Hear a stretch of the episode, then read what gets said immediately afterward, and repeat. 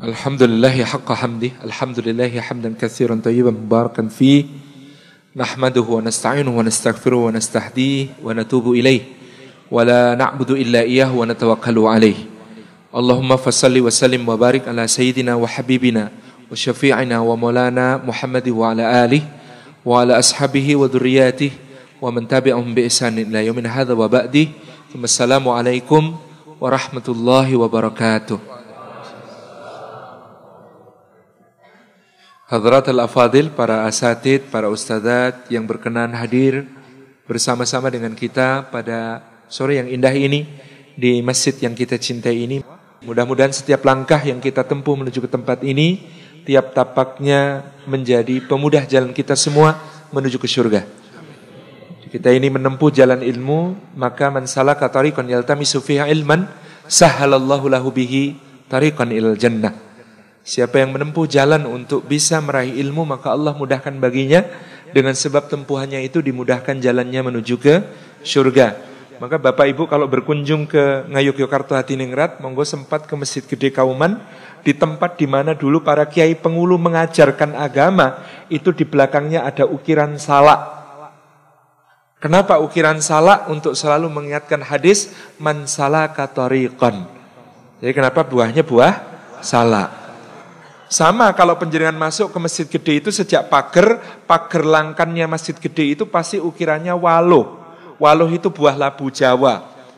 Waluh kenapa waluh? Karena yang membentengi kita dari kemurkaan Allah dan api neraka adalah tauhid.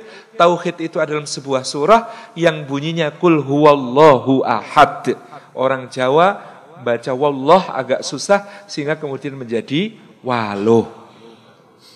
Ketika kita masuk ke halaman masjid, maka berjajar-jajar ada pohon sawo. Kok sawonya jejer-jejer? Kenapa? Karena ini perintah dawuh untuk sawo, sawu sufu vakum. Luruskan soft-soft kalian. Karena inna Allah yuhibbul ladina yuqatiluna fi sabilihi soffa ka'annahum bunyanum marsus. Allah cinta orang yang berperang di jalannya seperti pasukan yang berbaris-baris seakan mereka itu bangunan yang kokoh. Maka sawo, kita kalau masuk ke serambinya, di serambi Masjid Gede Kauman Jogja itu, ukiran paling luar itu bentuknya buah nanas. Karena masjidlah tempat kita berlindung dari musuh hakiki manusia, yaitu syaitan. Maka nanas, kul a'udhu birabbin nas, malikin nas, ilahin nas, dan seterusnya. Kalau kita lihat kemudian di atapnya Masjid Gede itu ada ukiran tanaman yang saling bertaut satu sama lain. Sulur-sulur seperti ini disebut sebagai lunglungan. Lunglungan itu artinya tulung-tulungan wa ta'awanu alal birri wa taqwa. Jadi masjid itu tempat saling tolong-menolong di dalam kebajikan dan ketakwaan. Kalau kita lihat pintu masuk ke ruang utama masjid itu pas di depan di mana para qadhi dulu mengadakan mahkamah pengadilan Surambi. Di dalam Angger-Angger Agung, kitab undang-undang kerajaan, disebutkan bahwa pengadilan Surambi sumber rujukannya kitab Patakul Mungin, Patakul Wahab, Tohpah. Kita sekarang bisa tahu itu Fathul Mu'in, Fathul Wahab, dan Tufah. Jadi di situ di belakangnya ada ukiran bentuknya wajib. Saya dulu bertanya kepada Romo Tirun, KRT Jatinegrat, kenapa kok wajib? Wah itu kayaknya ada ayatnya tapi saya lupa ya mas. Wajib itu pokoknya hubungannya dengan pengadilan di akhirat. Oh, saya akhirnya kemudian menduga, oh ini pasti ayatnya waji ayauma idzim bi jahannam yauma idziyatadakarul insanu wa anna Kenapa diukir wajib? Untuk mengingatkan pengadilan dunia kamu bisa bohong, tapi tidak di akhirat ketika Allah datangkan jahanam, hari itu manusia mengingat kembali apa yang telah diperbuatnya dan bahwa dia kemudian harus insyaf, dulu dia pernah diperingatkan di di dunia. Kemudian di dalam apa namanya pepohonan apa tiang-tiang masjid itu ada ukiran dalam bentuk kalau ini namanya semen. Kalau tadi yang di atas itu lung-lungan, kalau ini semen. Kenapa? Semen, semen itu aslu hasabitun wa far'uha fis sama tu'ti ukulaha kullahinin bi'idni rabbiha. Semen dari kata semi. Semi itu selalu tumbuh, tumbuh, berakar, mekar, memberi buah. Itulah sifat kalimat tauhid yang telah berada di dalam hati seorang mukmin seperti yang diumpamakan Allah dalam surah Ibrahim ayat ke-24 dan 25. Ini sebagai pembuka, saya ingin katakan sebenarnya kita ini sangat lekat dengan simbolisasi karena orang Jawa itu memang agak susah diajak bicara vulgar. Maka ketika mengajarkan agama pun dulu para ulama menggunakan simbol. Apalagi di masa penjajahan ketika kemudian Belanda memberikan tekanan-tekanan besar kepada ajaran yang sahih. Sehingga kemudian kita lihat sampai ke atap masjidnya, tajuk atapnya berbentuk tajuk, di puncaknya bukan kubah, tetapi ukiran daun keluih. Ya, kalau kita lihat masjid-masjid yang ada hubungannya dengan keraton Mataram itu pasti di bagian atas ukirannya daun keluih. Kok keluih? Keluih itu kaluwihan. Bahasa Arabnya al-fadl. Maka kul innal fadla biyadillah. Yang namanya keutamaan, anugerah agung itu berada di dalam tangannya Allah Subhanahu wa taala. Jadi ini contoh bahwa kita ini sangat lekat dengan berbagai macam hal yang sangat syar'i. Kita belum bicara dengan tata istana sejak dari Nyuwun Sewu di sini juga ada tapi saya menduga sama karena arsitek keraton Yogyakarta dengan keraton Surakarta itu orang yang sama. Ketika di sini dia masih bernama Pangeran Mangkubumi, pindah ke Yogyakarta dia menjadi Sultan Hamengkubuwono pertama. Jadi ada panggung namanya panggung kerapyak, bentuknya itu seperti rahim. Beliau bentuk seperti rahim, di situ biasanya di apa namanya pelihara hewan berupa rusa. Lalu nanti sultan biasanya memanah dari atas. Itu simbol konsepsi. Jadi kalau panahnya kena ke rusa, itu seperti sperma kena sel ovum. Jadilah konsepsi di situ, maka di dalam rahim itu kemudian ada desa namanya Mijil. Mijil itu artinya lahir, di situlah kelahiran manusia. Sesudah dari panggung kerapia, kalau di Jogja, kalau berjalan ke arah utara, kita menuju ke Plengkung Nirboyo. Gerbang keraton yang di sebelah selatan namanya Plengkung Nirboyo. Karena kampungnya namanya Gading, sini juga ada ya. Namanya, maka kemudian disebut sering disebut sebagai Plengkung Gading. Itu jalannya itu, yang kanan pohon asem, yang kiri pohon Tanjung. Selalu begitu. Kok asem karo Tanjung? Karena membesarkan anak itu dalam dalam tradisi Islam itu harus banyak mesem dan banyak menyanjung. Makanya pohonnya pohon asem dan pohon tanjung harus banyak mesem, banyak nyanjung. Karena bayi itu sengsem, bayi itu bayi yang banyak memberikan pesona kepada kita.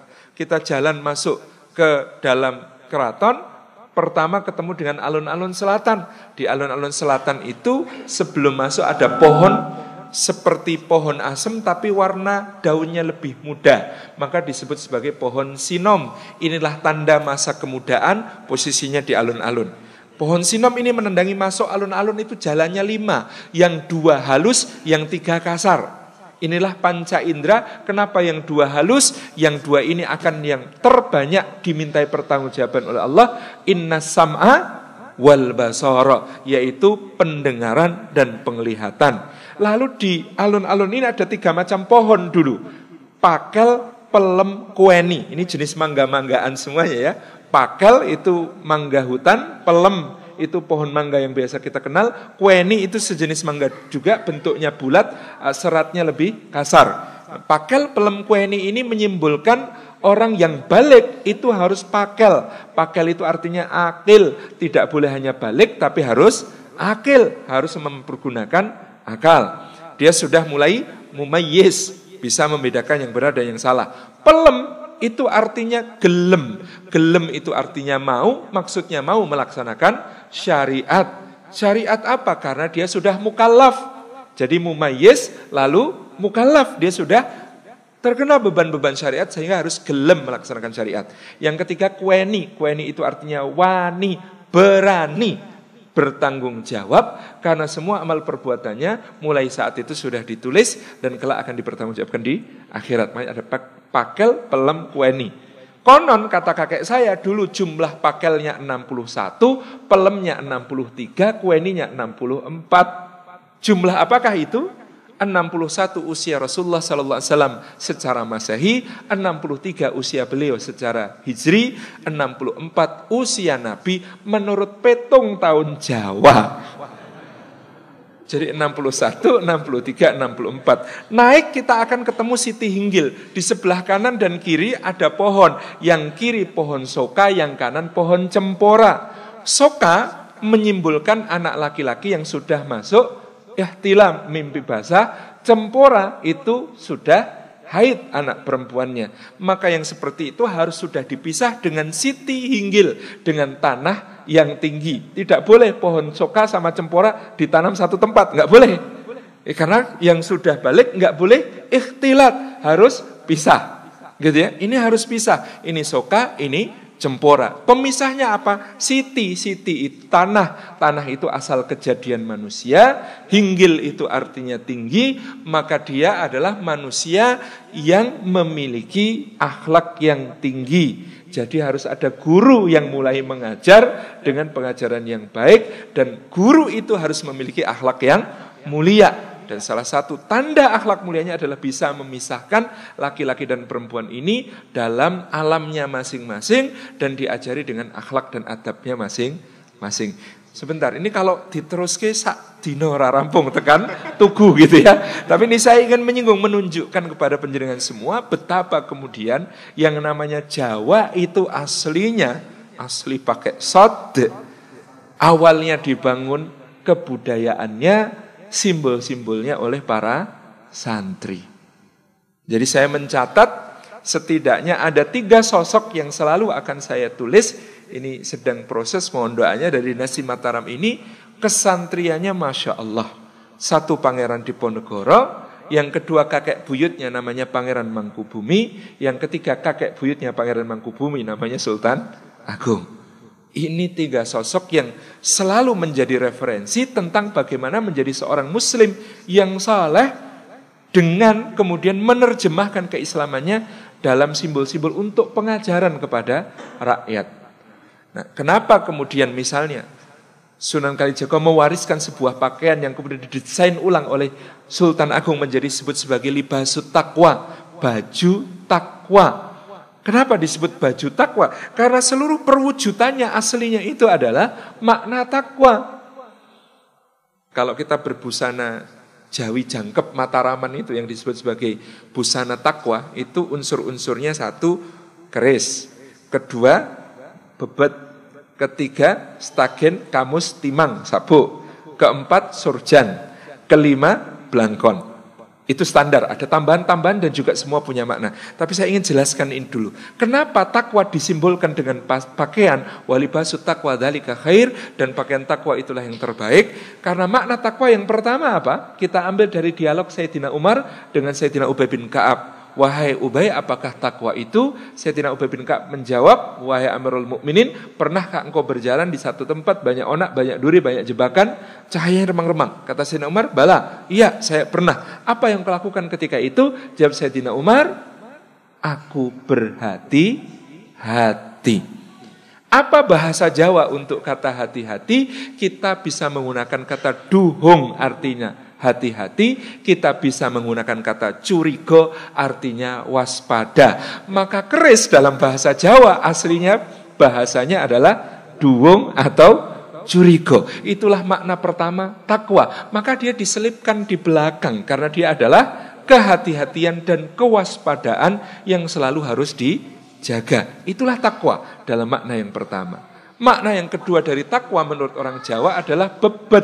Kenapa? Perut dan di bawah perut terdapat syahwat. Syahwat ini harus dibebet, harus dibebat, tidak boleh dibiarkan liar, tidak boleh diumbar-umbar. Makanya wa amma man khaufa maqama rabbih wa nafsa 'anil hawa fa innal jannata hiyal ma'wa. Maka orang yang menahan diri karena takut kepada Allah Subhanahu wa taala lalu dia menahan diri dari hawa nafsunya maka surgalah tempat tinggalnya. Maka bebetan supaya syahwatnya dibebat yang perut dan bawah perut. Jadi kan kalau pakai stagen terus bebetan insya Allah nggak akan gemuk. Karena syahwat perutnya terjaga. Iya kan? Nggak akan gemuk itu. Karena syahwat perutnya terjaga. Dan syahwat bawah perutnya juga seharusnya di, dijaga Kemudian kenapa yang mengikat itu stagen? Stagen ini kemudian diberi sabuk, sabuknya namanya kamus dan timang.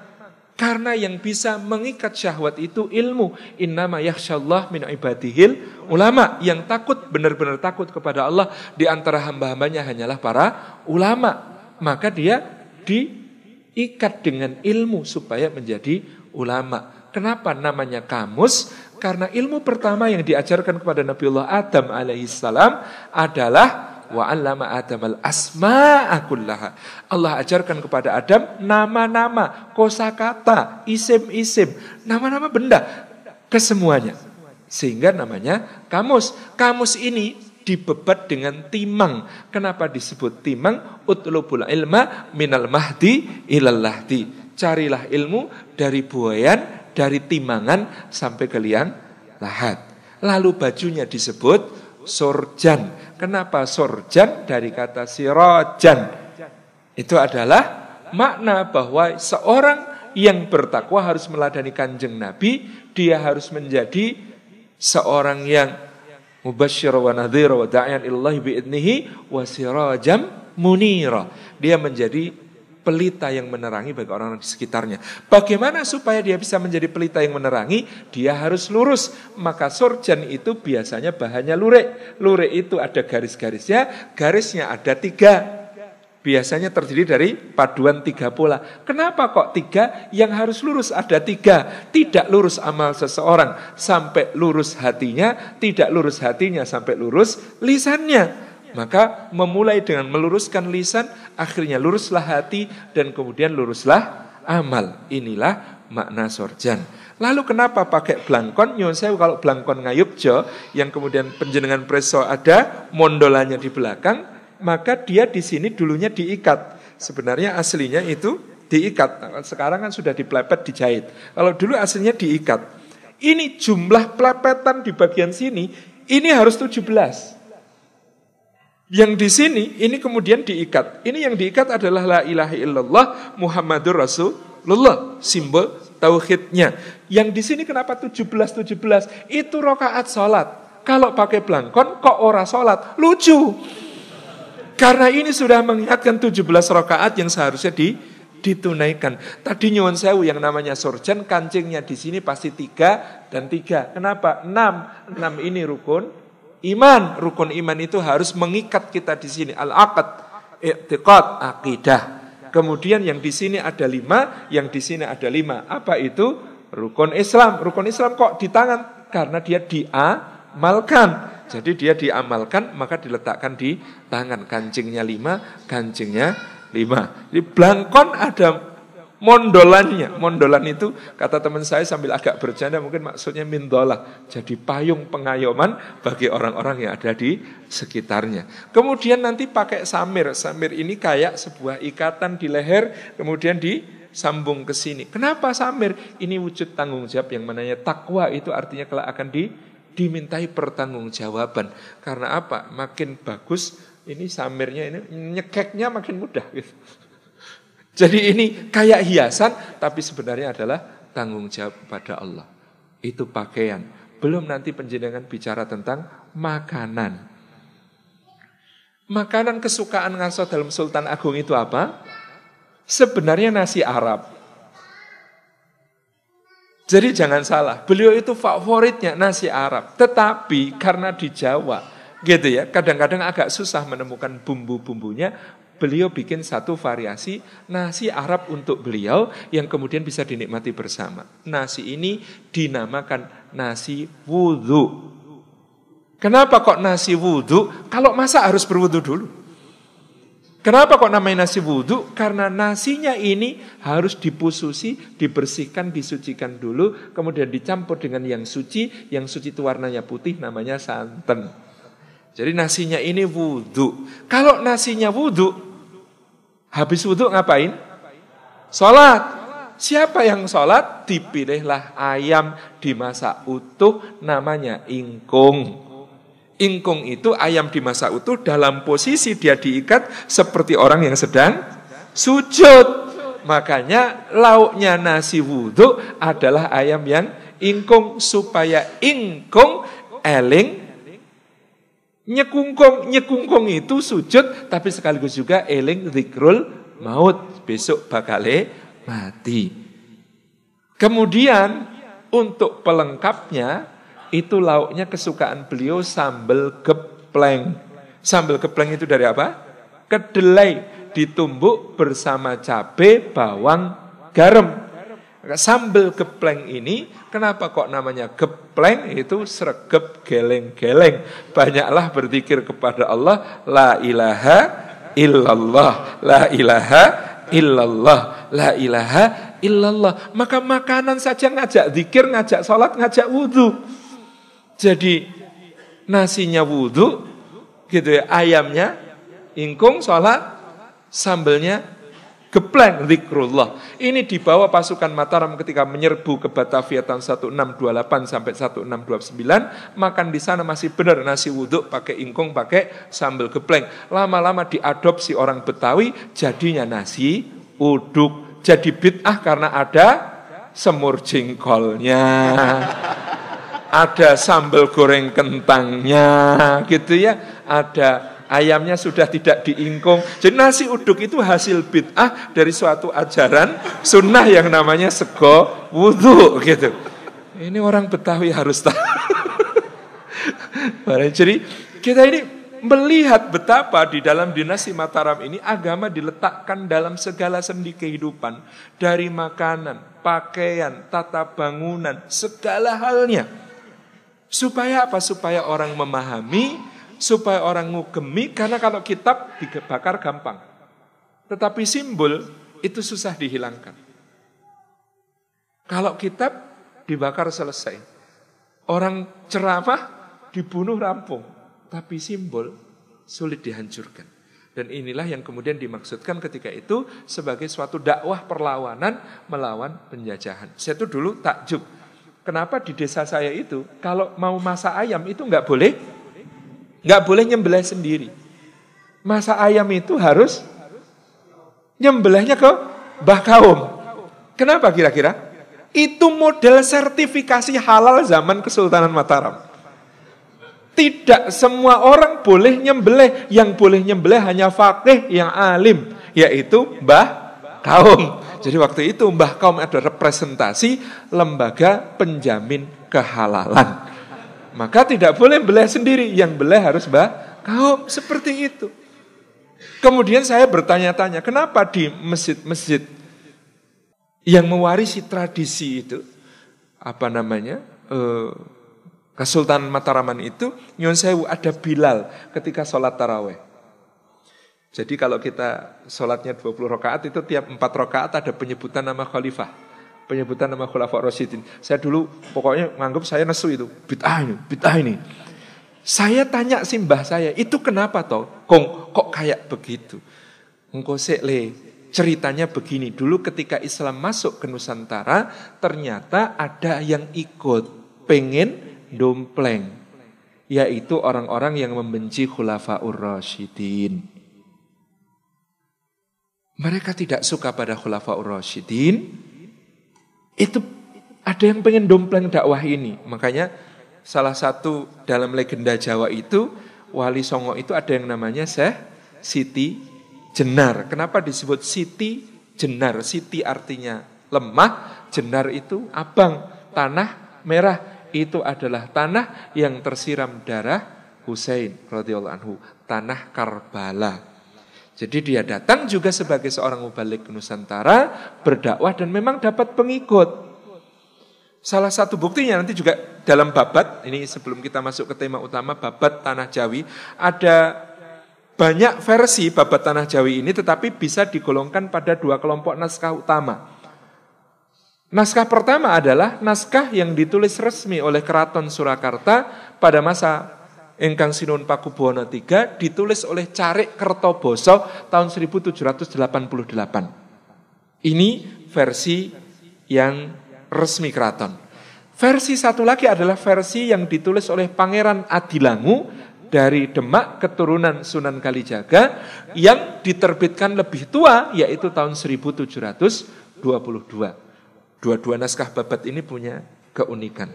Tapi saya ingin kembali ke yang tadi dulu yakni tentang Syiah, ternyata datang ini juga di dalam babat ada bukti yang bisa kita rujuk. Di dalam naskah babat Pangeran Adilangu tentang murid Syekh Siti Jenar namanya Ki Kebo Kenongo yang berkedudukan di Pengging, Boyolali, yang kemudian dituduh bugot, memberontak, membangkang kepada Kesultanan Demak, itu Ki Ageng Pengging itu punya dua ekor anjing. Anjing ini dia lempari batu kalau sedang marah. Anjing ini oleh beliau diberi nama Abu Bakar Lan Ngumar. Jadi kebenciannya sampai di level itu. Maka kata kakek saya, beliau mengatakan, maka para raja dinasti Mataram itu mengkreasi satu amal, sebenarnya bukan amal, tidak termasuk di dalam sholat, dia diletakkan di luar sholat, hanya sebuah perkataan untuk menjaga masjid-masjidnya dari pengaruh syiah. Caranya bagaimana? Al-Khalifatul Ula, Amirul Mukminin Abi Bakr Siddiq hal tardu'an. Maka dijawab, nardu'an. Al-Khalifatul Thani Amirul Mukminin Abu Hafsin Umar bin Khattab radhiyallahu anhu hal tardu'an nardu'an. Nah, pertanyaan kemudian dijawab hadirin, nardu'an ini untuk menjaga rakyat Mataram dari pengaruh Syiah. Ternyata begitu caranya. Nah, saya tanya, mau kong nggak jadi bid'ah boy itu? Wow, nggak ada tuntunannya kok melaksanakan yang seperti itu yo dianggap bid'ah yo piye yo le ning itu ketika itu diperlukan untuk menjaga akidah. Ini orang Syiah ikut tarawih di situ mesti nggak kuat. Mesti metu, gak kuat itu kalau kemudian dengar yang begitu-begitu di dalam tarawih. Makanya itu menjaga akidah masyarakat awam. Turno ya le, wong itu itu kan di luar sholat. Wong di luar sholat ki kowe takon karo jejermu. Ngelak orai. Terus dijawab mboten. Ngono kuwi ngelak ora e? Heeh, ngelak. Ngono kuwi ora ora? Nggih pareng. Ha mosok takon kowe ridho karo Abu Bakar pora. Ngono kok ora oleh. Lah ya oleh to. Jadi ini bahasa kakek saya ketika menjelaskan bahwa yang seperti ini dulu dipakai untuk menjaga akidah. Masya Allah kalau itu benar memang demikian keadaannya betapa luar biasanya bagaimana para ulama ini kemudian menjaga kita semua, masyarakat awam, dari pengaruh-pengaruh yang berbahaya. Kembali ke babat, Bapak Ibu yang Allah. Jadi saya tadi menyampaikan babat yang disebut sebagai babat Tanah Jawi. Itu ada dua versi naskah utama. Yang satu ditulis oleh Cari Kertoboso tahun 1788 di Surakarta. Yang satu ditulis oleh Pangeran Adilangu di Demak kira-kira pada tahun 1700 22. Ini versi yang lebih tua. Dan versi yang lebih tua ini menarik karena versi Pangeran Adilangu mencatat berbagai macam hal yang terkait dengan masa pemerintahan Raja-Raja Mataram sejak Panembahan Senopati, Panembahan Setokrapia, Sultan Agung, sampai kemudian masa pemerintahan Amangkurat IV atau Amangkurat Jawi yang sedang bertahta pada saat itu di Kartasura. Jadi peristiwa-peristiwa sejarah yang ada di situ menurut Haji de Graaf, seorang peneliti dari Belanda, ada peristiwa-peristiwa kronologis sejarah yang patut kita terima meskipun ada beberapa unsur mitologis yang perlu disikapi secara kritis. Nah, unsur mitologis ini sebenarnya menurut saya adalah simbolisasi. Laki-laki orang Jawa itu tidak bisa ngomong vulgar. Maka mereka kalau bicara itu sama yang namanya apa namanya nenek moyang itu biasanya mikul dur mendem jeruk. Jadi kalau mik, nenek moyangnya itu berbuat hal yang mungkar, berbuat hal yang maksiat, itu pasti ditutupi dengan sebuah metafor, dengan sebuah perumpamaan. Demikian pula bahkan itu di dalam babat itu ada kisah sejak zaman Majapahit. Misalnya ini kita membaca begini.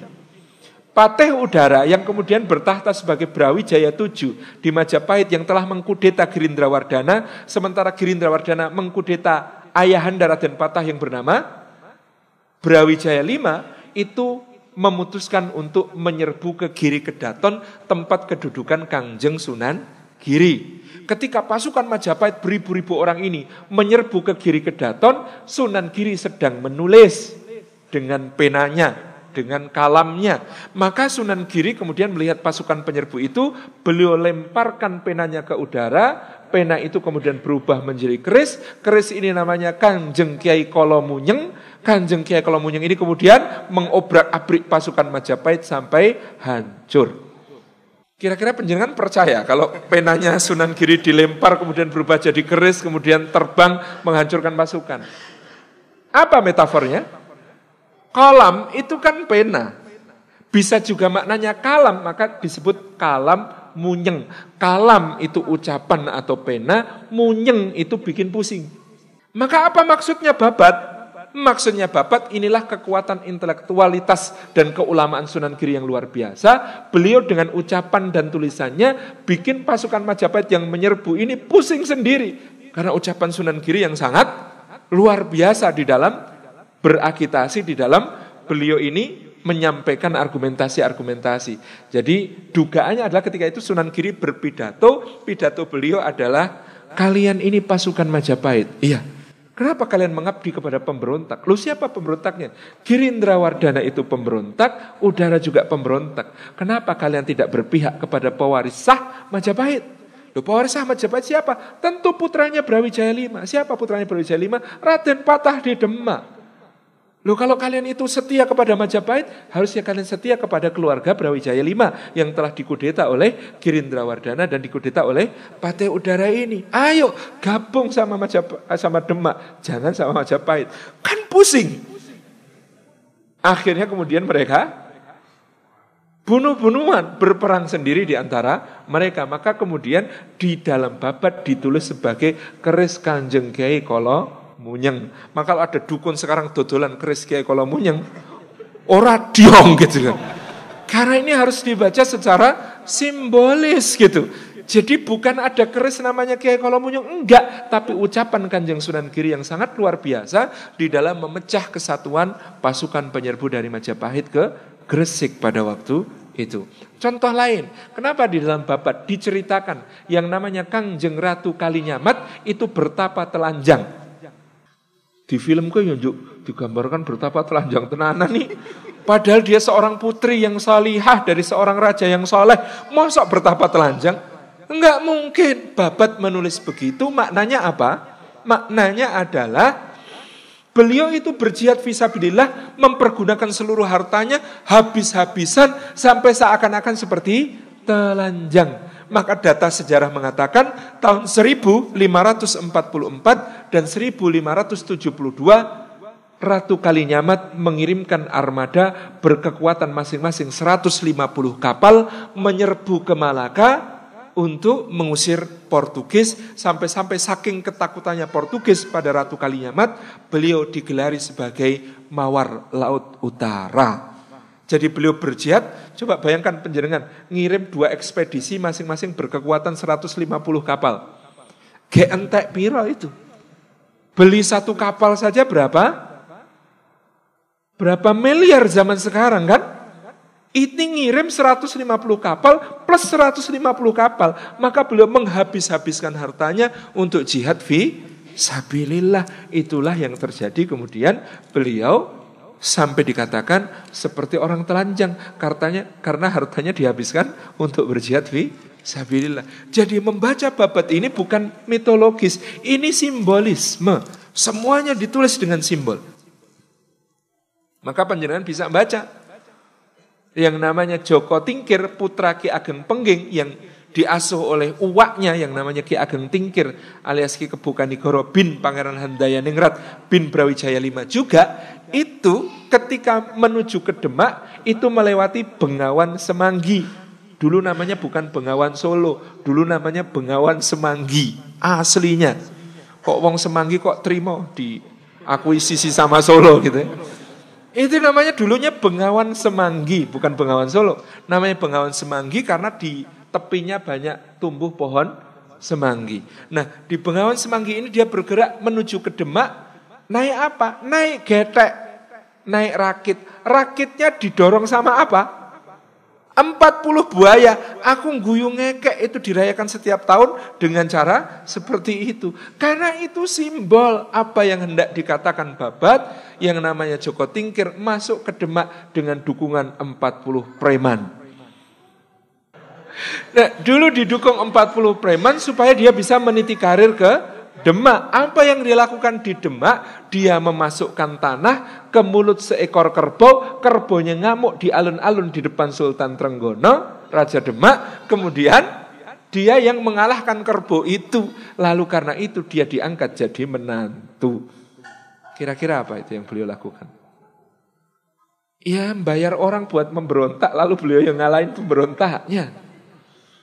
Jadi saking penulis babat ini pengen mikul dur mendem jero karena ini termasuk leluhur. Nah, Sultan Pajang nantinya yo gak ditulis ngono toh.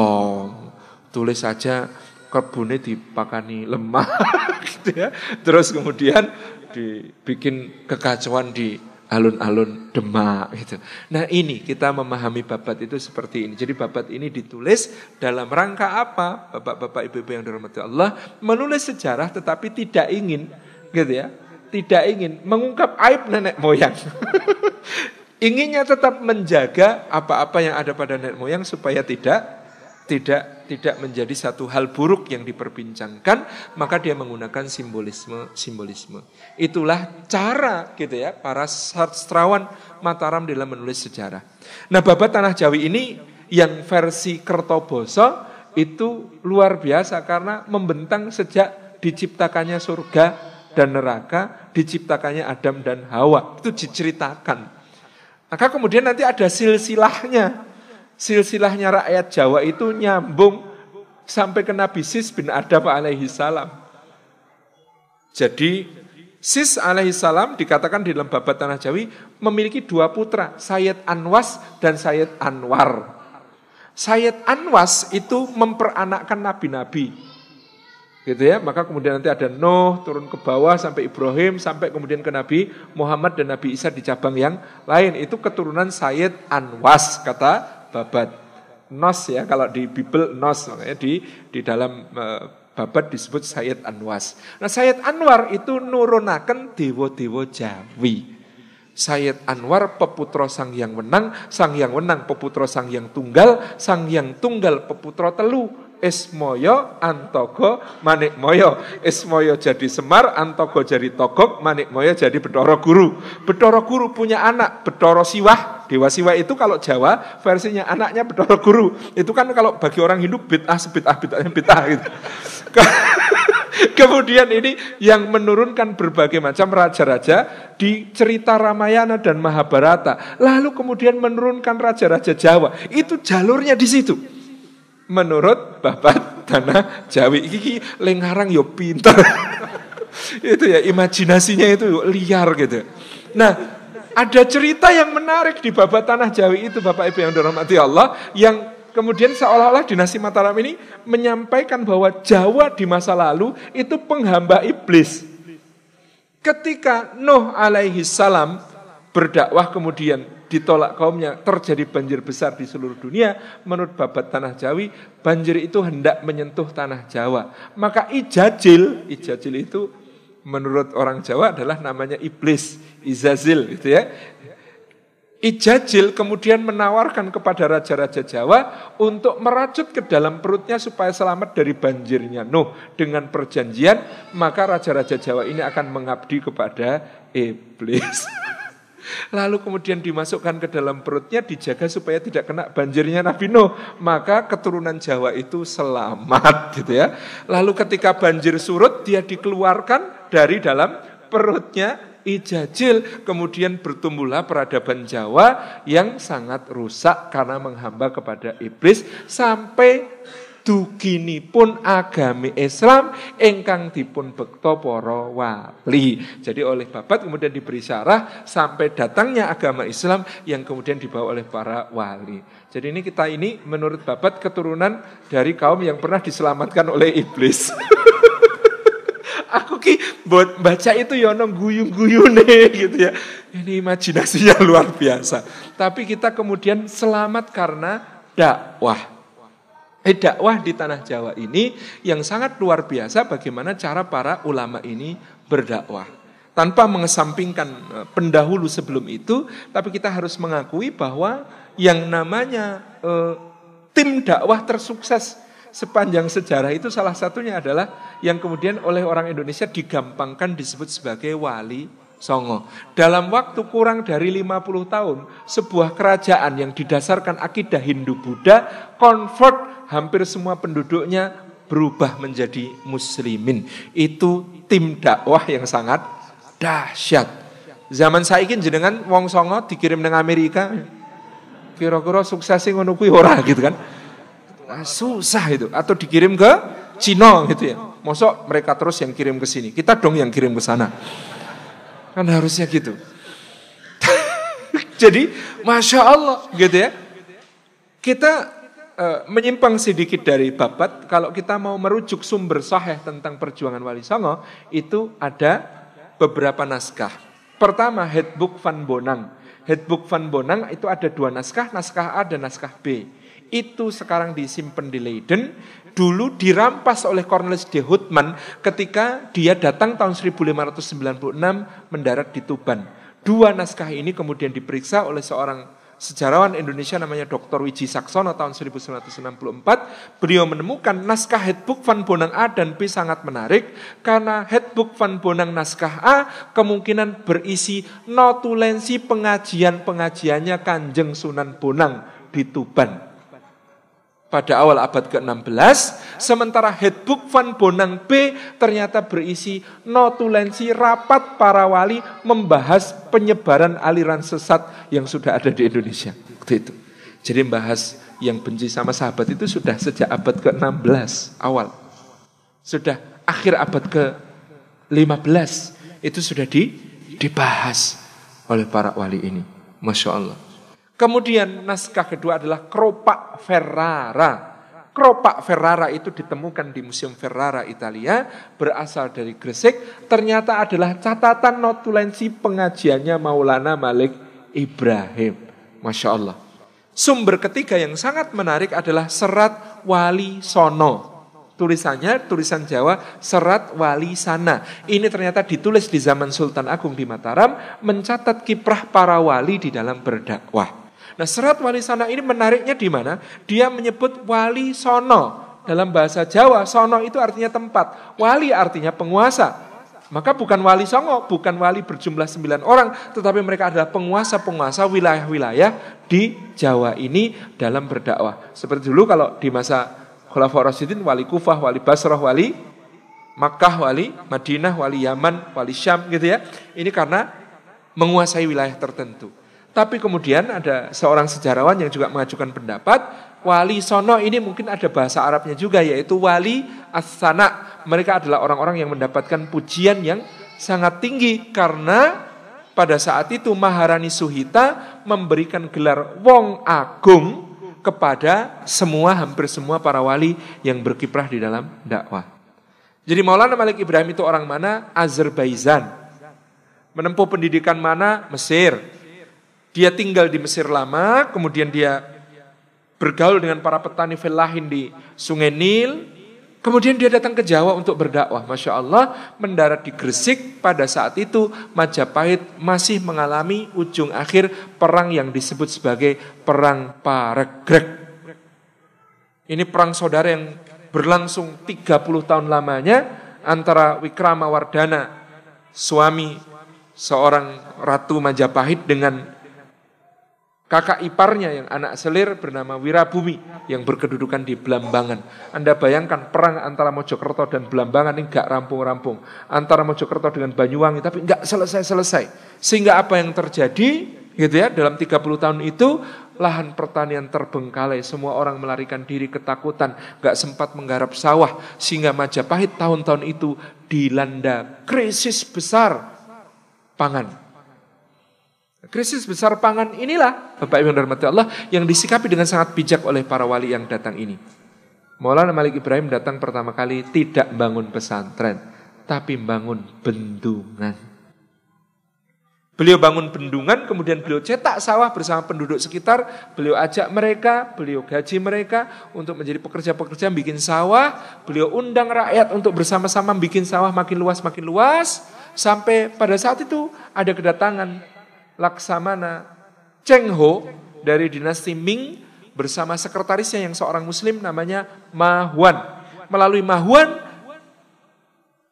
Maulana Malik Ibrahim minta bantuan untuk dicetakkan sawah antara Tuban sampai Gresik, Tuban, Lamongan, Gresik. Wilayah percontohan untuk sawah irigasi yang bisa panen dua kali setahun. Dulu di Majapahit sawahnya tak ada hujan, hanya panen sekali setahun. Maka beliau menggenjot untuk menjawab krisis pangan dengan membuat sawah yang bisa dua kali setahun panen. Ini kontribusi yang luar biasa. Cheng Ho ketika itu membantu dan Memang Cheng Ho ini luar biasa ketika mendarat di Tuban 1426 itu, itu 300 kapal Pak. Kapal terbesarnya Cheng Ho itu, kalau kapalnya Columbus yang dipakai menemukan Amerika yang namanya Santa Maria Pinta Danina, Santa Maria paling besar. Santa Maria itu kalau dijajar-jajar di dalam kapalnya Cheng Ho, kapalnya Cheng Ho muat 48 buah Santa Maria. Jadi memang ngeri itu bangsa sebelah utara itu kalau bikin sesuatu gitu. Dahsyat gitu waktu itu. Nah, itu 48 kapal muat di kapalnya Cheng Ho.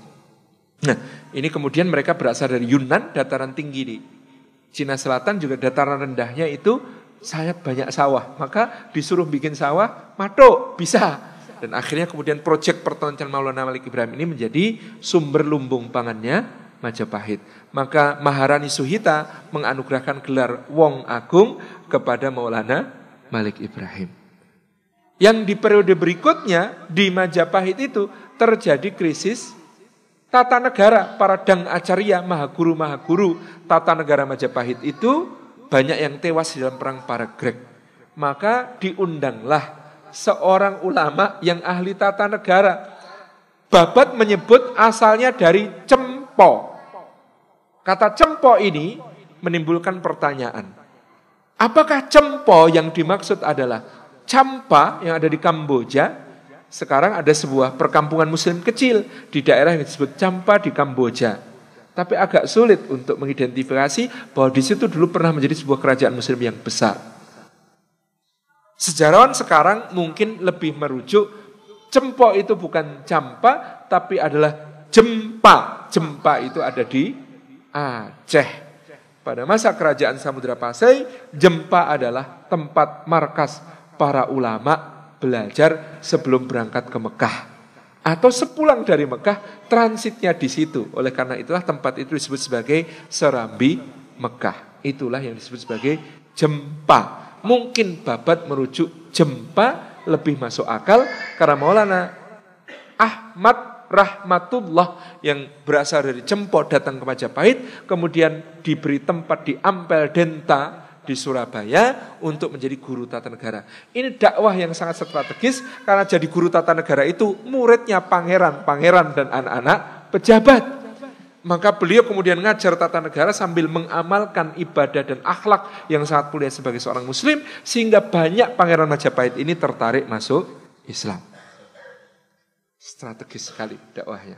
Kemudian Majapahit saat itu di masa Maulana Malik Ibrahim selain krisis pangan, krisis moral luar biasa. Tukang santet di mana-mana, dukun-dukunan main, tempat-tempat keramat makin angker, serem-serem, maka didatangkan tukang rukyah dari Maroko. Maka disebut namanya Maulana Maghribi.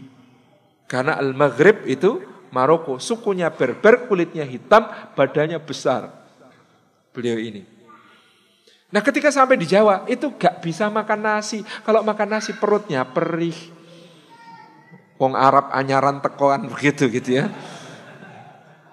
Nggak makan nasi itu perutnya perih, gak bisa.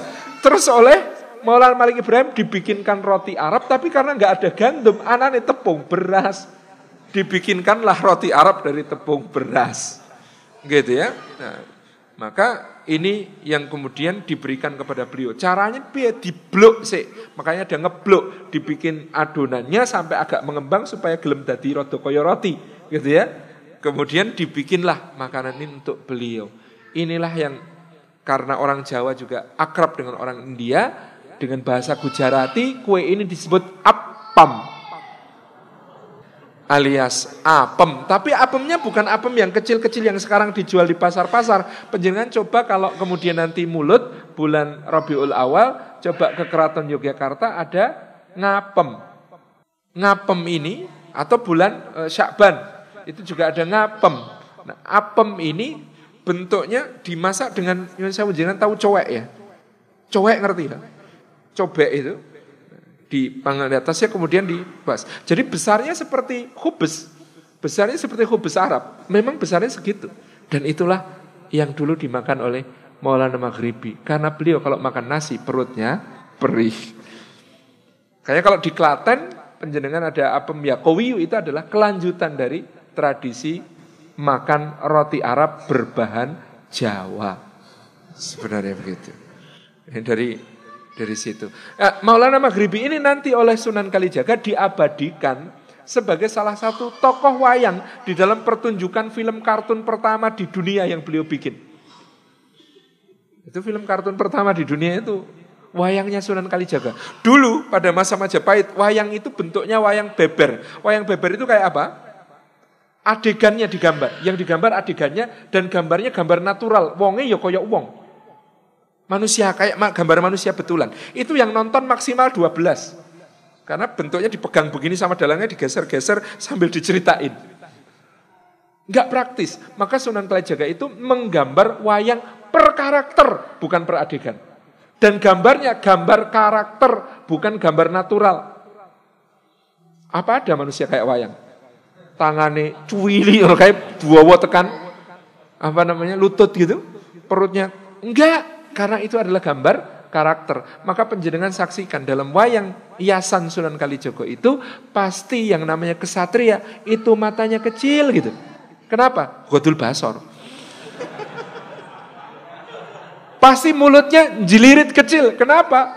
Bisa jaga lisan, khifdul lisan. Kenapa kemudian perutnya kecil? Prihatin, banyak puasa. Itu tokoh baik pasti seperti itu kalau di wayang Kalijagan. Kalau tokoh buruk mesti yang pelolo. Mata keranjang. Tidak godul basar. Pasti mulutnya besar. Tomak. Tidak jaga lisan.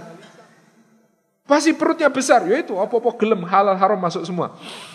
Maka seperti itu tuh gambar karakter. Jadi kalau kita nonton wayang yang namanya tokoh protagonis pasti ganteng, tokoh antagonis pasti jelek. Padahal aslinya belum tentu. Bisa jadi tokoh jahat itu ganteng-ganteng. Bisa jadi tokoh baik itu jelek. Yo barang kesuwen yang pondok prihatin gitu ya.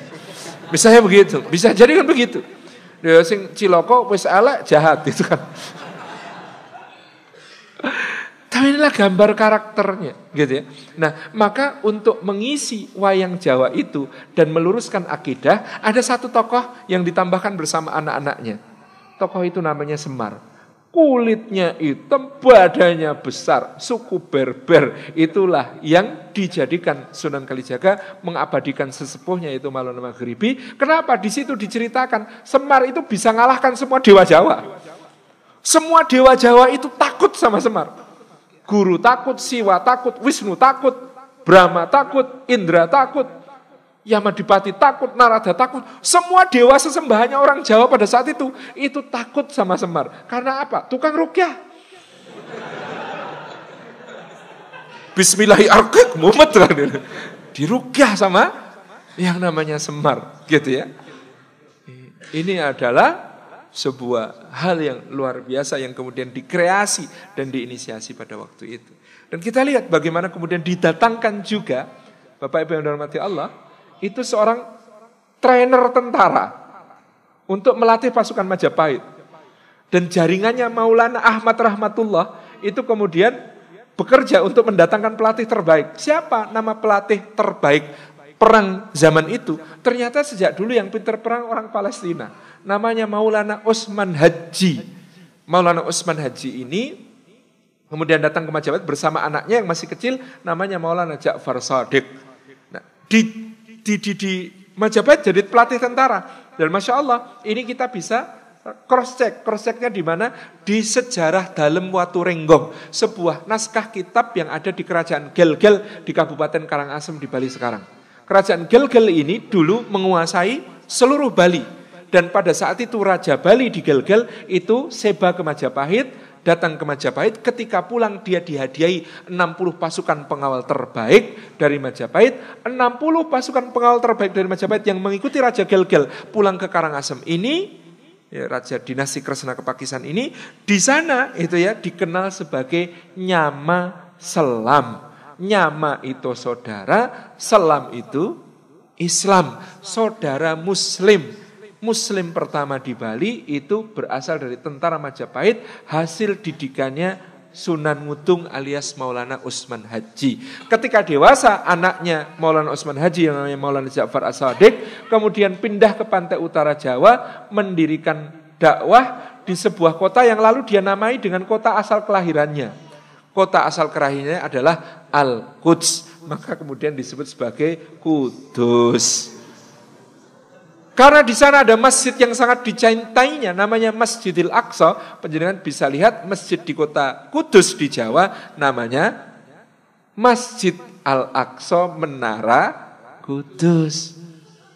Karena itu memang kangen Pak, kangen kampung halaman, maka kotanya dinamai dengan kotanya, masjidnya dinamai dengan nama masjidnya. Nah, Bapak Ibu yang dihormati Allah, generasi berikutnya dari para pendakwah ini ada Aliuddin dan Taqiyuddin, ulama kembar ini berdakwah di pelabuhan-pelabuhan. Mereka ngikut kapal mendakwahi para penumpang kapal itu sampai ke pelabuhan berikutnya ganti. Jadi kayak kita naik angkot terus kemudian dakwai di angkot terus nanti turun di tujuan berikutnya ganti angkot lain gitu. Itu Aulidin dan Taqiyuddin berdakwah dengan cara seperti itu sehingga Islam ini menyebar bukan cuma di Jawa tapi ke seluruh Nusantara. Sampai kemudian raja-raja Ternate, Raja Tidore, Raja Goa, Raja Luwuk, Raja Bone, kemudian Raja Talo, kemudian Raja Buton, kemudian Raja Banjar, kemudian Raja uh, Tulang Bawang, kemudian Raja Tanjung Pura, Raja uh, Sukadana, Raja Jambi, Raja Palembang, Raja Melayu, itu anak-anaknya dikirim ke Giri untuk belajar agama Islam. Pangeran-pangeran dari berbagai negeri itu datang ke Giri untuk belajar agama Islam sehingga Tommy Pires seorang petualang dari Portugis ketika lewat Gresik dan Surabaya dia menulis yang namanya Sunan Giri ini kayak pausnya Eropa. Dia ini pausnya Jawa. Tidak ada raja Nusantara yang sah bertahta sebagai raja kalau belum disahkan sama Sunan Giri. Sampai level itu bagaimana dakwah para ulama pada zamannya. Masya Allah. Gitu ya. Di wasilah berikutnya kita bisa mengenali ternyata Bapak Ibu yang dirahmati Allah dulu karena sistem di Majapahit itu kasta, rakyat jelata itu kalau makan cara makannya itu sangat memprihatinkan. Maka Kang Jeng Sunan Giri menurut kitab Serat Walisono itu membuatkan piring, membuatkan gelas, membuatkan alat-alat makan untuk rakyat. Beliau itu inventor dari alat makan untuk rakyat. Kalau bangsawan Majapahit dulu makan pakai piring, pakai sendok, pakai gelas terbuat dari emas dan perak. Kan nggak mungkin rakyat makan pakai itu. Maka Sunan Giri itu mendesain dari kayu, bambu, dan tanah liat untuk alat makan penduduk kebanyakan. Masya Allah. Kemudian Sunan Kalijaga itu meyoso alat-alat pertanian. Jadi diceritakan Ki Ageng Selo itu membalik tanah di lahan pertaniannya itu pakai linggis. Anda bayangkan, membalik tanah pakai linggis, oh, rampung suwi banget gitu. Selesainya lama, maka Sunan Kalijaga membuatkan untuk Ki Ageng Selo cangkul. Cangkul itu bahasa Jawanya terdiri dari tiga bagian. Bagian yang tajam namanya pacul, bagian pangkal namanya bawa, bagian pegangan namanya doran. Nah, itu desainernya menurut serat Wali Songo adalah Sunan Kalijaga. Karena semua dimaknai pacul ngipatake sak liyane Allah kang muncul. Hati harus dibersihkan dari selain Allah. Kemudian menjadi bawa kalau sudah beriman kepada Allah, oh baing awak badan harus bergiat untuk beribadah. Dan pegangannya silahul mukmin senjatanya orang beriman itu adalah doran. Gagang pacul itu namanya doran. Doran itu detungo marang pangeran, selalu berdoa kepada Allah. Nah, ternyata selain cangkul juga bajak, wuluku Jawa, bajak Jawa itu menurut Serat Walisono juga desainnya dari Sunan Kalijaga. Itu terdiri dari tujuh bagian beserta maknanya kayak ini tadi. Ning aku durung apa. Saya belum hafal yang tujuh pada puluku atau baca itu. Masya Allah, sama maknanya untuk kemudian memperkuat akidah. Nah, termasuk invensinya nanti adalah tadi film kartun pertama di dunia yang namanya wayang kulit. Tetapi memang Sunan Kalijaga itu suka menjebak orang. Jadi dulu wayang itu tontonan elit oleh beliau dijadikan sebagai tontonan massal. Gelar di alun-alun. Syaratnya apa kalau mau nonton? Harus mau dituntun mengucapkan satu kalimat. Kalimatnya asyhadu alla ilaha illallah wa asyhadu anna muhammadar rasulullah. Baru boleh ikut nonton. Begitu nonton, di tengah adegan wayang dijelaskan tentang makna syahadatain. Lalu penontonnya, lu dia pindah agama eh. Baru sadar di tengah pertunjukan bahwa mereka sudah pindah agama menjadi seorang muslim. Jadi inilah masifikasi dakwah Islam yang paling luar biasa pada saat pada saat itu. Jadi Babat mencatat tetapi serat wali sono ini memberikan dokumentasi yang jauh lebih lengkap yang luar biasa tentang kiprah dakwah yang terjadi pada masa itu. Jadi kalau Babat menyebut yang namanya yang namanya orang Jawa itu keturunan orang yang diselamatkan sama Ijajil alias iblis tetapi mendapatkan anugerahnya Gusti Allah dengan kedatangan para ulama kemudian menerima agami Islam atau ngerasuk agami Islam. Dan Mas Susianto seorang kandidat doktor sejarah kita yang ngaso di UMS dan insya Allah mudah-mudahan sebentar lagi dokternya selesai Beliau sangat uh, filolog, sangat handal, baca naskah-naskah lama, sangat pinter. Beliau menemukan satu pola yang sangat menarik pada Pujangga Mataraman. Pujangga Mataraman itu punya ciri khas. Apa ciri khasnya Pujangga Jawa Mataraman? Mereka melakukan dua proses di dalam nulis sastra. Satu, deindianisasi. Yang kedua, otomanisasi. Jadi naskah eh, sastra Jawa, masa Singasari, Kediri, Majapahit, itu pasti pusat dunia itu India. India itu pokoknya swargondonya itu India.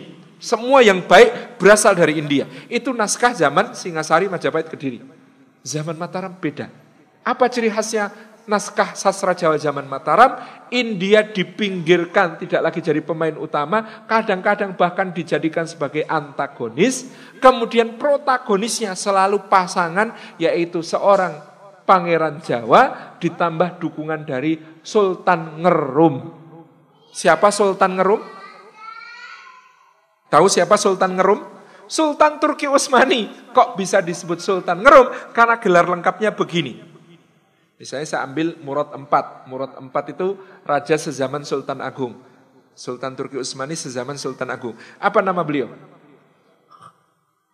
Malikul Bahrain, Wahakanul Bahrain, Wahadimul Haramain, Sultan Gazi Khalifatullah Wadilluhu fil ardi Kaisar Irumi. Oh, Masya Allah. Ngeri. Apa kalimatnya? Malikul Bahrain, Raja dua benua. Wahakanul Bahrain, Han Agung dua samudra. Wahadimul Haramain, pelayan dua tanah suci. Sultan, seorang sultan. Gazi, seorang panglima perang. Khalifatullah, khalifahnya Allah. Wadilluhu fil ardi, dan bayangannya di muka bumi. Oh, ngeri banget. Apa terakhir? Kaisar Irumi. Dan gelar Kaisar Irumi ini dipakai sejak Muhammad Al-Fatih. Kaisar Irumi artinya Kaisar Romawi. Kenapa Sultan-Sultan Turki menyebut dirinya Kaisar Romawi? Karena mereka berhasil menaklukkan Konstantinopel, ibu kota Romawi Timur, Bizantium. Sehingga gelar Kaisar Urumi itu melekat pada Sultan-Sultan Turki Utsmani. Orang Jawa karena susah nyebut gelar yang panjang tadi, kemudian diringkas menjadi Sultan Ngerum. Jadi kalau ada naskah Jawa menyebut Sultan Ngerum, maksudnya adalah Sultan Turki Utsmani. Nah, naskah Jawa akan selalu mengandung pilihan kata Sultan Al-Gebah saking nagari Rum. Maulana Ali Samsujen, Maulana Ali Samsujen, Mufti saking negari ngerum. Naskah-naskah Jawa Mataraman itu selalu punya pola itu. Deindianisasi, otomanisasi. Maka saya sampai menyusun satu uh, apa nah, hipotesis Mataram itu negara yang sangat Ottoman oriented, yang sangat berorientasi kepada Turki Utsmani sejak berdiri. Saya dulu bertanya-tanya, Panembahan Senopati itu nama gelar yang unik. Kenapa gelar yang unik? Karena tidak ada Raja Jawa sebelum itu yang memakai nama gelar perangnya sebagai gelar raja. Tapi orang ini, Danang Sutawijaya bin Ki Ageng Pemanahan ini selalu menyebut dirinya Panembahan Senopati. Dari mana itu? Ternyata konon Panembahan Senopati itu adalah terjemah bahasa Jawa untuk Sultan Ghazi. Sultan yang panglima perang, bahasa Jawanya panembahan yang senopati. Masya Allah. Kemudian ini dibuktikan dengan sangat serius oleh Sultan Agung Hanyokrokusumo. Waktu itu belum bergelar Sultan, masih Susuhunan Agung Hanyokrokusumo. Tahun 1640 ngirim utusan ke ke Turki Utsmani lewat Makkah. Berangkat dari Jepara menuju ke Palembang, transit di Aceh, transit di Aden, kemudian ke Makkah, ketemu Syarif Makkah pada saat itu, namanya Zaid bin Muhsin al-Hashimi, kemudian mendapatkan anugerah atas nama Sultan Murad IV dari Turki Utsmani melalui Zaid bin Muhsin al-Hashimi, beliau mendapatkan gelar sultan resmi diakui sebagai Sultan Abdullah Muhammad Maulana Mataram. Sebagai tanda pengukuhan diberikan kepada beliau satu buah potongan kiswah Ka'bah berwarna hitam sampai sekarang masih menjadi pusaka keraton Yogyakarta namanya Kanjeng Kiai Tunggul Wulung. Tunggul itu yang luhur, wulung itu hitam warnanya karena ini adalah kiswah Ka'bah. Kemudian beliau juga diberi potongan satir makam Nabi Shallallahu Alaihi Wasallam warnanya putih. Kemudian ini menjadi pusaka sampai sekarang di Keraton Yogyakarta namanya Kanjeng Kiai Pare Anom. Pare Anom ini adalah pusaka dari kiswah itu. Kemudian dihadiahkan kepada Sultan Agung itu air zam-zam, satu guci. Gucinya dari Turki, diisi air zam-zam di Mekah, dibawa pulang ke Jawa. Bayangkan. Zaman itu loh Pak. Hampir setahun pelayarannya. Itu dibawa ke Jawa, kemudian oleh Sultan Agung, air zam-zam ini diminum, dibagikan kepada para ulama dan para santri, kemudian gentongnya oleh beliau dipasang di makam beliau yang ada di Imogiri, di situ masih ada tulisannya Enceh Kiai Mendung saking Sultan Ngerum. Enceh itu artinya guci, guci namanya Kiai Mendung. Hadiah dari Sultan Rum alias Sultan Turki Utsmani. Ini Ottoman oriented. Yang berikutnya adalah Pangeran Mangkubumi yang tadi saya utang cerita kepada panjenengan. Sebenarnya Pangeran Mangkubumi ini adalah putra Amangkurat IV dari Selir. Selirnya namanya Mas Ayu Tejawati. Menurut beberapa sumber Mas Ayu Tejawati punya bapak marganya Basyaiban. Jadi ternyata dinasti Mataram itu punya darah Basyaiban dari Mas Ayu Tejawati yang menjadi ibu Sultan Hamengkubuwono I di Yogyakarta. Memang dinasti Mataram ini campuran darah seluruh Nusantara. Karena nanti kalau dirunut nasabnya ke atas menurut babat, maka Ki Ageng Pemanahan bin Ki Ageng Nis bin Ki Ageng Selo bin Joko Tarub bin Bondan Kejawan bin Brawijaya V. Nah, Bondan Kejawan bin Brawijaya V adalah anak Brawijaya V dari seorang putri Wandan. Wandan itu mana Pak? Bandaneira di Maluku Selatan. Jadi ini anak putri dari Banda Neira yang menurut babat kulitnya suwaida, kehitam-hitaman. Sehingga dalam catatan para duta VOC ketika berkunjung ke Mataram, Sultan Agung itu disebut tingginya lebih kecil dari orang Jawa rata-rata dan kulitnya lebih agak hitam daripada orang Jawa rata-rata karena berdarah wandan dari Banda Neira. Kemudian Bapak Ibu yang dirahmati Allah Subhanahu wa taala, campuran darah itu makin bertambah lagi tadi dengan bahasa Iban, tambah lagi permaisurinya Hamengkubuwono I di Yogyakarta itu namanya Ratu Ageng Tegarjo yang nanti akan membesarkan Pangeran Diponegoro itu itu cucu Sultan Bima Abdul Qahir I. Abdul Qahir I ini punya permaisuri putri dari Goa Talo. Maka Ratu Ageng Tegarjo itu berdarah Goa Talo, Bugis Makassar sekaligus berdarah Bima di Sumbawa dan kemudian menjadi istri Sultan Hamengkubuwono I yang kemudian terkenal sebagai Ratu Ageng Tegarjo. Sembilan tahun mendampingi jihad suaminya ke mana-mana sampai melahirkan anaknya yang jadi Sultan Hamengkubuwono II pun lahirannya di Gunung Sindoro. Beliau penunggang kuda yang hebat, maklum Putri Bima. Ya, naiknya kuda Sumbawa kan. Bisa minum susu kuda liar kan itu.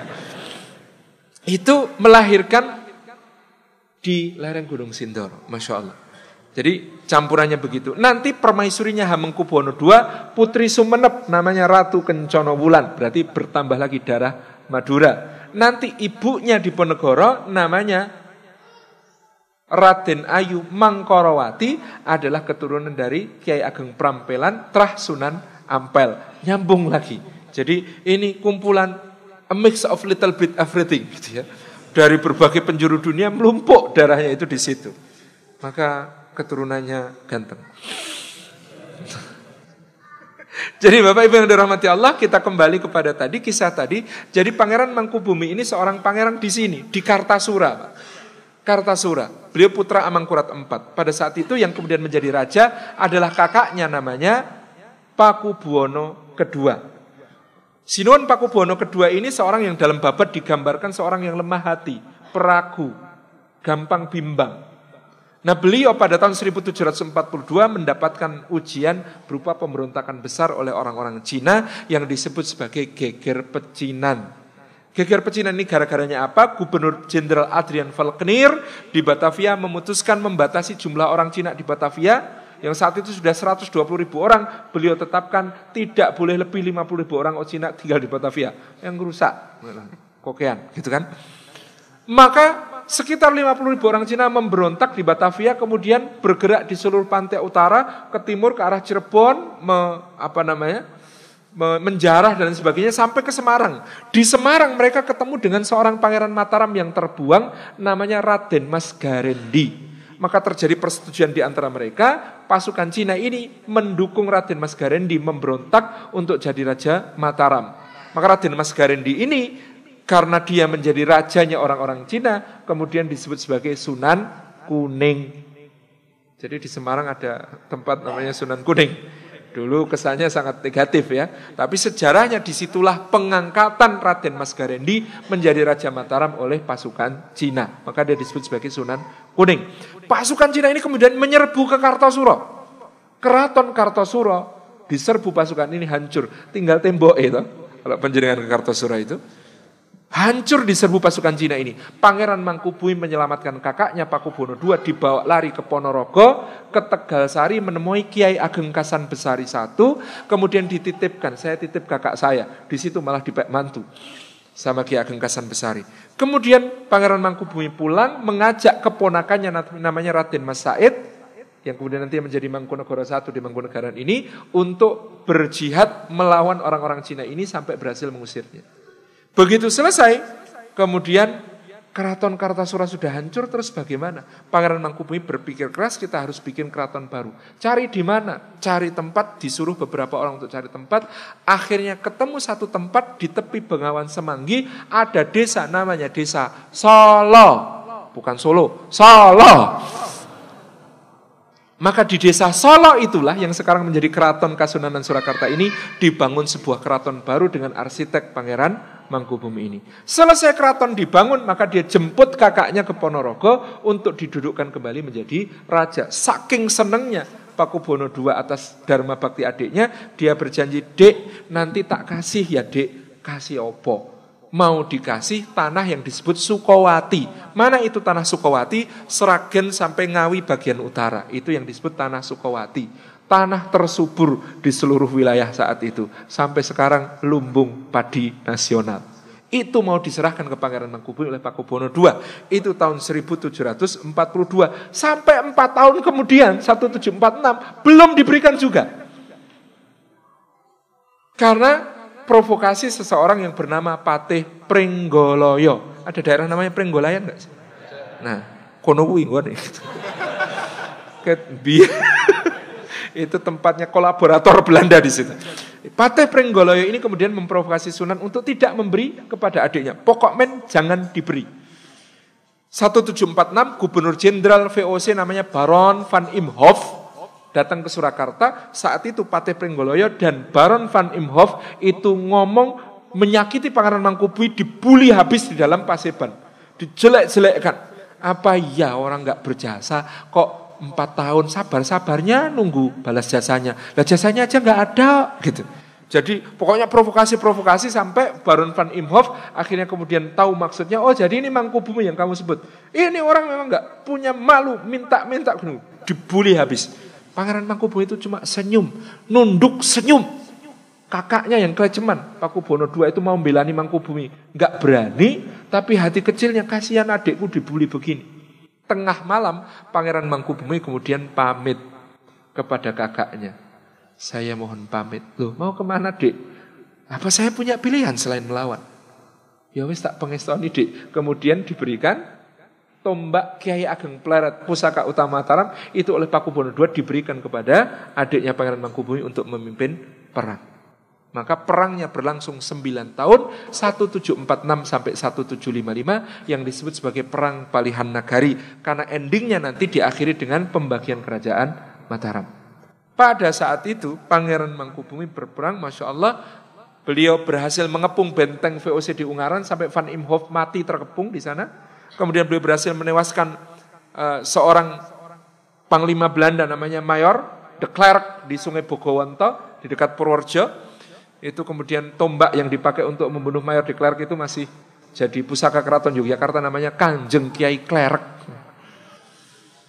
Jadi Pangeran Mangkubumi itu kalau naik kuda sama dengan Sultan Agung sama dengan Panembahan Senopati. Kalau naik kuda tidak pernah megang tali kekang. Nanti Pangeran Diponegoro juga sama. Gimana? Tali kekangnya diselempitkan ke stagen, ke sabuk. Dia mengendalikan kuda itu dengan gerakan perut dan kaki. Tidak pernah pakai tangan. Tangannya dipakai untuk megang senjata. Dan Pangeran Mangkubumi itu khas kalau berperang, kalau megang tombak bukan gagangnya. Mata tombaknya yang dipegang. Itu ya, makanya dia itu ketika membunuh Kolonel Clark itu, dia pakai tombaknya ini untuk bertumpu naik ke kudanya Mayor de Klerk ini, kemudian sudah duduk di belakangnya, kemudian tombaknya templok orang sini, blas gitu. Cara membunuhnya begitu. Itu ya waktu itu. Nah, Pangeran Mangkubumi ini perang besarnya bikin VOC nyaris bangkrut. Apa yang terjadi? Tahun 1755, Nyon Sewu ini tidak menyinggung etnis, tetapi pada saat itu kejadiannya adalah ada seorang Arab di Semarang namanya Syarif Besar Syekh Ibrahim. Syarif Besar Syekh Ibrahim ini oleh Belanda dibujuk untuk menghentikan perang. Bagaimana caranya? Syarif Besar Syekh Ibrahim didandani sebagai utusannya Sultan Ngerum didandani sebagai utusan Sultan Turki Utsmani diminta menemui Pangeran Mangkubumi untuk menawarkan selesainya perang dengan imbalan beliau diberi gelar sultan resmi dari Daulah Turki Utsmaniyah sebagai pemimpin Jawa, muslimin Jawa, Amirul Mukminin di Jawa. Karena Pangeran Mangkubumi juga melihat keadaan rakyat yang menderita karena perang, plus beliau sami'na wa atokna kepada Turki Utsmani, maka beliau menyatakan saya terima syarat ini. Saya menjadi sultan atas separuh Mataram dengan gelar resmi dari Daulah Turki Utsmani seperti yang diterima kakek saya Sultan Agung. Selesai, maka diadakan perjanjian di desa Janti, Karanganyar. Desanya namanya Janti. Tapi di dokumen Belanda, karena nulis J itu pakai G, Janti. Janti ditulis Janti, pakai J gitu maka kemudian terjadi salah sebut di waktu-waktu berikutnya menjadi perjanjian Gianti. Padahal desanya jenenge Janti. Nah, perjanjian Gianti ini membelah kerajaan Mataram menjadi dua. Sisa ya, sisa kerajaan Mataram karena sudah berkurang banyak, wilayahnya antara Banyumas sampai Banyuwangi dibagi dua. Itu mbagi ini lucu. Banyumas ikut Surakarta, kecuali Banjarnegara ikut Jogja.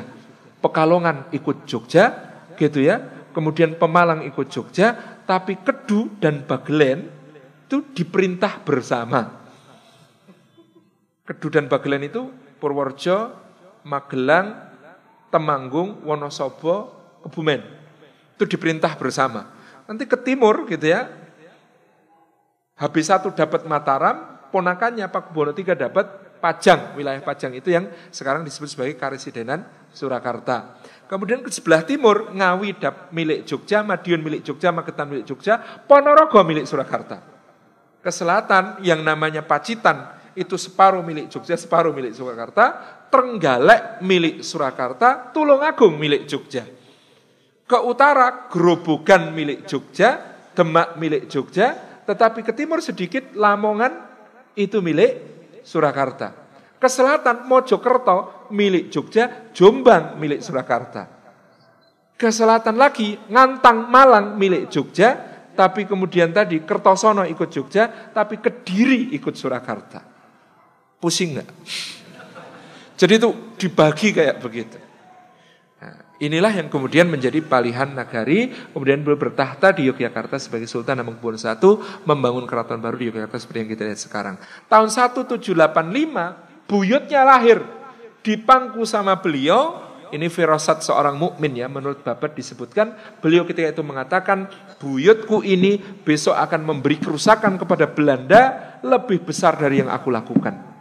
Buyut ini namanya Raden Mas Mustohar.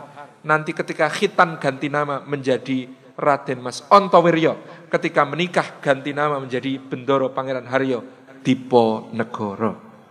Jadi ini buyut ini sudah difirasati oleh kakeknya, ini akan memberi kerusakan kepada Belanda lebih besar dari yang kulakukan. Maka dia dididik oleh nenek buyutnya Ratu Ageng di Tegalrejo, bukan di keraton. Dan di Tegalrejo terjadi kemakmuran yang luar biasa, bernaung di bawah rumah tangga Puri Tegalrejo itu 3000 keluarga. Pelayannya Pangeran Diponegoro itu 700 orang. 70 orang itu khusus untuk ngurusi kuda. Jadi yang pengurus kudanya Pangeran Diponegoro itu 70 orang itu mengurusi kuda. Tak. Dalam Tegarjo yang sekarang ada itu, itu lebih kecil dari aslinya. Aslinya Puri Tegarjonya Pangeran Diponegoro itu mepet ke timur sampai Sungai Winongo. Karena tempat di situ biasanya Pangeran Diponegoro itu suka bertahanus di bawah pohon kemuning, beliau sering merenung di situ, di pesanggerahannya.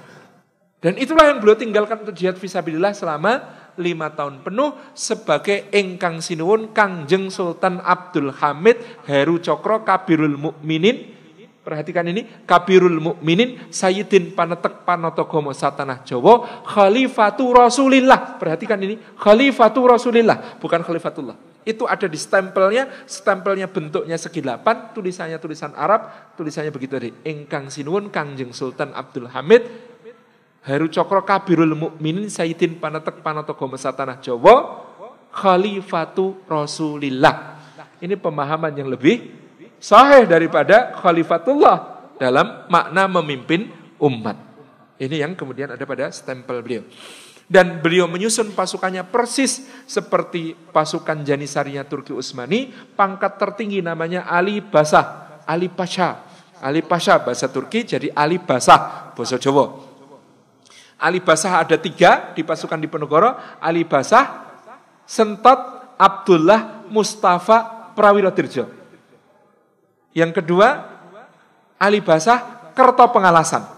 Yang ketiga, Ali Basah, Muhammad Osman. Ali Basah Sentot itu dari Madiun, putri eh, putra dari Ronggo Prawirodirjo III saat menjabat Ali Basah umurnya 17 tahun. Sangat muda, sangat hebat, taktis paling ditakuti Belanda. Ali Basa Kerto Pengalasan seorang petarung yang luar biasa. Ketika perang selesai tahun 1830 dia diperiksa dokter Belanda, tidak ada satu jengkal pun di tubuhnya kecuali ada lukanya. Ali Basa Muhammad Osman adalah keponakan Kiai Mojo, putra Kiai Kasan Besari, dua dari Tegalsari dan Masya Allah Ali Basa Muhammad Osman ini ikut dibuang bersama Kiai Mojo ke Tondano. Di bawahnya ada basah. Basah. Di bawahnya ada dolah. Di bawah dolah ada angadolah. Daulah, agak daulah, bahasa Turki semuanya. Kemudian beliau juga kesatuannya namanya boluk. Boluk di bahasa Jawa kan jadi bulkio. Pasukan Turkinya namanya Turkio. Pasukan Arabnya namanya Arkio. Salah satu pemimpin Arkio namanya Sarif Samparwedi. Syarif Samparmeti ini menantu Syarif Abdurrahman Ala Idrus. Syarif Abdurrahman Ala Idrus adalah menantu Sultan Hamengkubuwono II. Di Jogja tempat tempat kelahirannya Syarif Samparmeti ini namanya Sayidan. Di Jogja itu ada kampung Sayidan, ini gak ono Sayite. Kalau di Solo kampung Arabnya terpelihara, di Jogja kenapa tidak ada? Saya baru terusur kemarin Syarif Abdurrahman Ala Idrus, menantu Hamengkubuwono II itu keluarganya sebab ada perang di Penegoro, itu menghadapi pilihan mau tetap di situ tapi dibunuh atau pergi. Kenapa? Karena selama perang di Ponegoro terbukti keluarga Syed Abdurrahman Ala Idrus dan Syarif Samparwati semuanya membantu perjuangan Pangeran Diponegoro. Makanya diusir, makanya dibersihkan dari Yogyakarta. Makanya Jogja itu gak enak kampung Arabe. Oh no, tapi gak ada wong Arabe gitu. Jenenge Sayidan, gak ono Sayite.